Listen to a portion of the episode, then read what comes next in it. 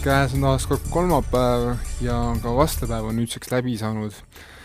Äh, oleme tagasi Ekspressi stuudios, äh, tänane leht on täis huvitavaid lugusid, aga üks, mis minu arust on kuidagi teenimatult teiste varju, ehkki ta on loetav seda edetabelis täna ikkagi top kümnes olema päris kindlalt sees, ta oli vist viies-kuues koht, oli Krister Kivi reportaaž siis äh, erinevatest odavatest sööklatest ja söökidest Tallinnas nimelt äh, kui on lõunapaus, siis paratamatult väga paljud kontoriinimesed lähevad välja sööma ja ja mis seal salata, nii, nii mõnigi kord läheb lõunasöögi peale mõnes, mõnes sellises, mitte üldse isegi uhkes kohas, aga sellises keskmises söögikohas võib minna täitsa, täitsa julgelt viis kuni seitse eurot, äh, kui võtta veel juurde magustoit või mingi jook Krister otsis koh-, Krister otsis välja mõned odavamad kohad, kus saab ka ennast sööduks kolme kuni viie euroga, mõne, kui sa ainult praadi ostad, siis isegi võib-olla ühe, ühe üheksakümnega.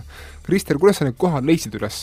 see algas tegelikult sellest, et üks mu hea tuttav, kes vahetas mõni aeg tagasi töökohta ja nüüd käib, käib tööl kuskil Tallinna väikse rongijaama lähedal tema kutsus mind lõunale ja siis äh, minu üllatuseks me läksime kuhugi, pöörasime tänavalt kuhugi hoovidesse, siis tuli seal äh, hoovisoppides tuli tükk aega, tükk aega kõndida. Ja lõpuks me jõudsime sellisesse no pealtnäha ikka juba paar aastakümmet vast äh, samamoodi välja näinud sellisesse kunagisse kontorihoonesse, kus äh, asuski söökla ja see söökla oli veel väga märkimisväärne ja meeldejääv selle poolest, et seal ei olnud mitte ühtegi akent.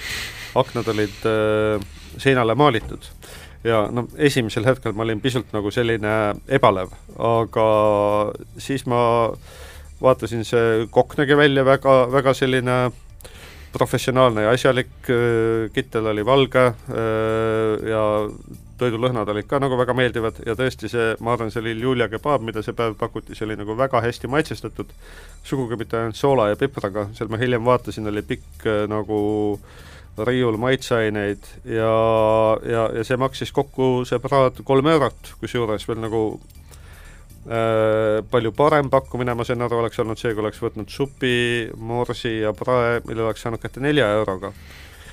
Ja, ja, ja nagu tähelepanuväärne selle söögikoha puhul, söögikoha puhul, nende, ma teen veidike reklaami, nende veebileht on lõunad.ee äh, ja nad toovad, mis on nagu hästi huvitav mu meelest, nad toovad ka kohale tasuta, kui keegi tellib viis praadi, siis nad toovad kohale tasuta, mille eest noh, siin-seal, eks ole, küsitakse juba ise mingi ligi kümme mm eurot. Äh, aga see selleks, äh, selle söögikoha omanik oli, oli seesama mees, seesama kokk, ehk siis ta nagu ise iga hommik alustab, ta äh, kell neli ja ta suudab ja niimoodi ta suudabki neid noh, paari, paari abilisega, nii ta suudab neid hindu, hindu madalal hoida. minu meelest see on hästi positiivne ja Eestis nagu mitte sageli esinev, et et omanik ise ka töötab mm. -hmm. kui kaua ta siis oli seda restorani pidanud? selles kohas kaks, kakskümmend aastat põhimõtteliselt terve elu läinud no, peaaegu, no mitte terve aga, elu, aga lõviosa eluajast, nagu töö, tööd, tööeluajast. aga noh, kui inimesele meeldib, kui inimesele meeldib äh, süüa teha, kui talle meeldib kokandus, siis äh, ma arvan, see ongi nagu kõige õigem, õigem, mida teha, pealegi kui äh, sest niimoodi saab ju ka teenida, Eestis sageli äh, sageli mul, mul on tunne, et tahetakse just teenida, et müüa midagi vähe, aga müüa, müüa nagu kallilt aga need on need kohad, millest mina kirjutasin, seal püütakse püütakse siis äh, teenida, teenida mahu pealt. Ja noh, kõige märkimisväärsem äh, selline hinnaüllatus minu jaoks oli ikkagi Orto söökla, mis on, mis on Suur-Sõjamäe tänaval, päris kaugel Tallinna kesklinnast. ja seal käivad, äh, seal käib söömas nii palju inimesi, et tipptunnil on see saba, olen kuulnud, kümme, kakskümmend minutit võib minna mm. -hmm. aga, aga noh, hinnad olid tõesti sellised, et need parahinnad, need jäid valdavalt ühe ja kahe euro vahele mm. -hmm. algasid ühest eurost. kas seal siis Orto sööklas oli klientuur peamiselt venekeelne või oli pigem niisugune, oli, oli nagu märgata ka nagu seda klientuuri või eripärasid või? no palju oli selliseid äh, tööriietes mehi, et see oligi selles suhtes kui me fotograafiga sealt välja astusime, tuli, oli ka kaks vene prouat, need vene prouad tulid ja uurisid, kuna nad nägid kaamerat, fotokaamerat peal, nad küsisid, kas me oleme Aktuaalsest Kaamerast, ja siis küsisid vene keeles, mida ma ei oska, ma ei oska siin nagu enam järgi teha, sest mm. mu vene keel on niivõrd halb, aga nad küsisid, et kas te tunnete huvi? Nad veidi irooniliselt küsisid, et tunnete huvi kõige jubedamate töölissööklate vastu, jah aga ei olnud sugugi, sugugi jube, väga selline nostalgiline oli tegelikult seal see menüü ja tuletas meelde, tuletas meelde kunagisi kaheksakümnendate lõpu, üheksakümnendate alguse koolisööklatoite mm. -hmm.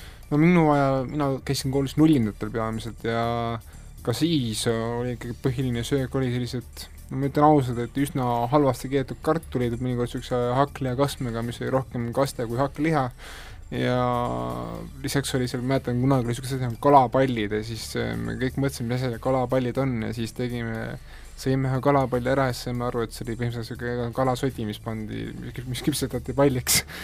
no see on kala hakkliha, see no see ei olnud isegi hakkliha, see oli midagi, midagi teistsugust ja siis äh, kui oli üks, üks aasta vist läks parem, oli kaks tuhat kuus oli vist meil majandusbuum ja siis isegi oli ühe korral olid äh, ploomid tomatikasmes, äh, mis tundus väga huvitav, aga maitse kahjuks ei olnud nii hea.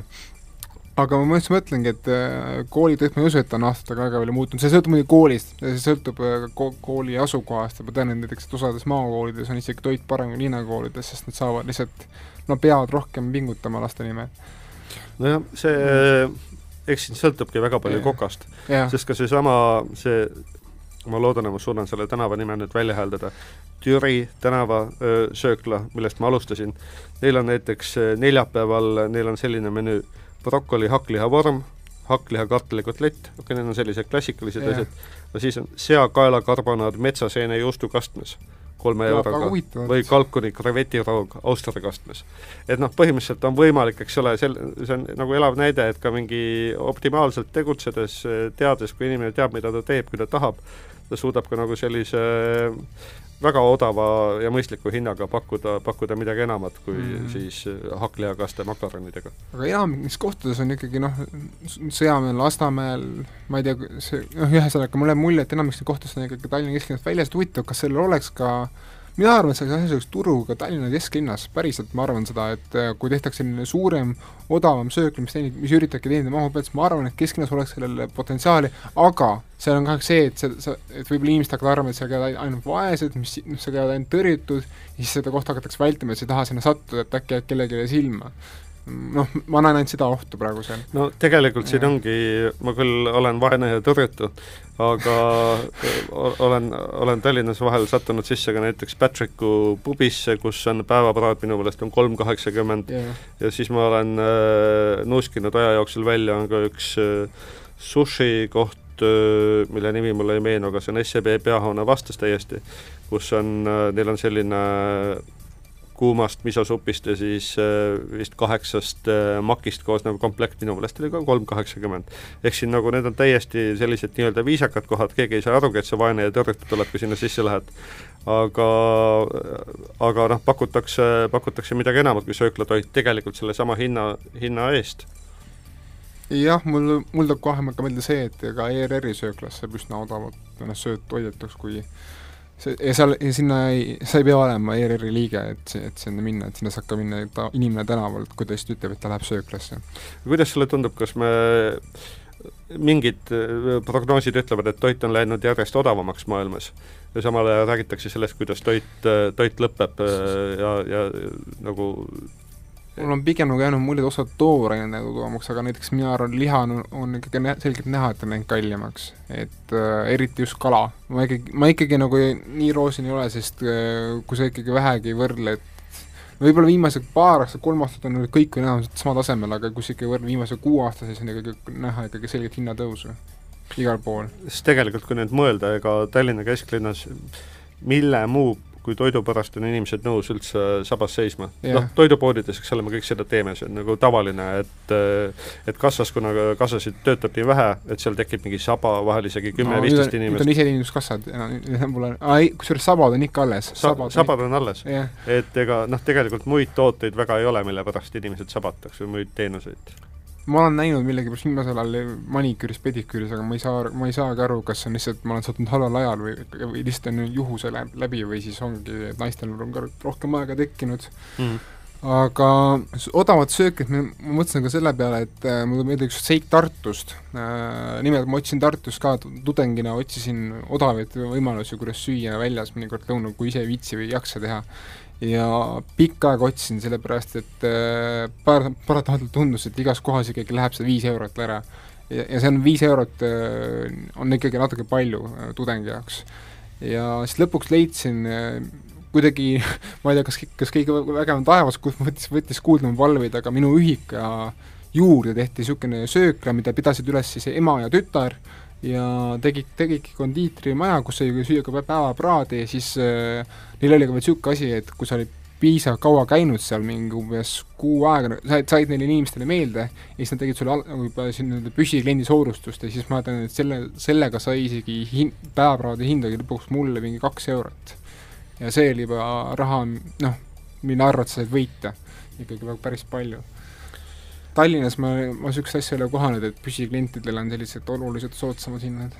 jah, aga noh, teiselt poolt, äh, kui palju siis see toit äh, kui palju toit maksma peaks või, või ja. kui nagu käib läbi, käib läbi, ütleme, kui arvestada, et päevas käib söömas sada inimest, siis äh, okei okay,, eeldame, et selle praehind on kolm, see on nagu kolmsada eurot, tegelikult kas nagu sadat inimest, kui oleks mingisugune teada, et on tulemas mingi väga suur äh, seltskond, no kolmesaja euroga ma usun, et nagu mõistlikult plaanides toitlustaks niimoodi ära, et, et, et noh, see raha ei kuluks, vaid, vaid ikkagi väga palju jääks katteks. Mm no siin oli ju ka see, et just ühe kooli lõuna hind on mingi üks kaheksakümmend või nüüd on äkki kaks eurot ja siis mõnes koolis on ka juba viissada, viissada õpilast pluss õpetajad ja pluss võib-olla mingi muud no kas see on omahind või see on hind, mis juba sisaldab toitlustaja kasumit? see on, see on, see on teenusega ka, teenusepakkujaga ka, ehk siis see toitlustaja kasum on teil ka sees. ehk siis järelikult saab küll, aga lihtsalt äh, X põhjustel, kas siis on rendihind on osutunud nii kõrgeks või kardetakse tõesti, et see ei ole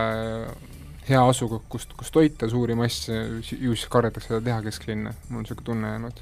kuigi meie oma majas, seal all sööklas, saab minu arust prae mingi kolme euroga kätte tegelikult ma selles osas ma ei oska sõna okay. võtta, ma mingi hetk ma lubasin endale, et ma ei lähe enam sinna kunagi ja see oli minu meelest siis, kui nad olid hinna tõstnud umbes viie euroni, siis ma vihastasin.